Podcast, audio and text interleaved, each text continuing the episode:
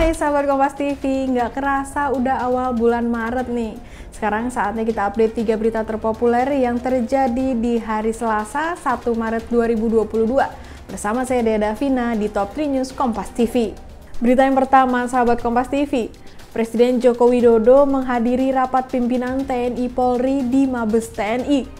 Dalam kesempatan tersebut, Presiden Joko Widodo menyampaikan TNI dan Polri perlu kedisiplinan agar siap mendukung ekonomi nasional dan reformasi struktural. Presiden Jokowi sampaikan lima kelangkaan yang dihadapi di tengah situasi pandemi COVID-19. Di antaranya dampak perang antara Rusia dan Ukraina, kelangkaan pangan, kenaikan harga produsen, hingga inflasi. Eits, Ingin belajar soal mengelola keuangan dan juga investasi bersama ahlinya? Check out podcast Cuan Cari Untung bareng teman. Persembahan Motion KG Radio Network by KG Media yang tayang setiap hari Rabu hanya di Spotify.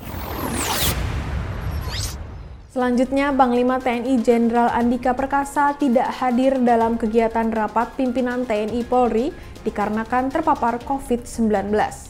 Kabar Panglima TNI terpapar COVID-19 ini disampaikan Presiden Joko Widodo saat membuka Rapim TNI Polri 2022 di Mabes TNI Cilangkap, Jakarta Timur. Dalam acara Rapim, Andika Perkasa diwakilkan oleh Kepala Staf Angkatan Laut Laksamana TNI Yudo Margono.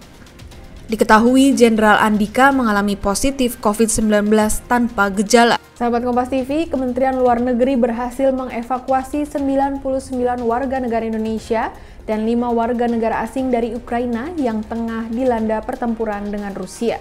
99 WNI dan 5 WNA keluarga dari WNI tersebut sudah berada di titik aman, yakni di Bukares, Rumania, dan di Resov, Polandia. Menteri Luar Negeri Retno Marsudi menyampaikan saat ini masih ada 13 WNI yang berada di utara Ukraina, yaitu di kota Kharkiv dan di Chernihiv. KBRI Kiev dan Moskow pastikan 13 WNI tersebut sehat dan dengan logistik yang cukup.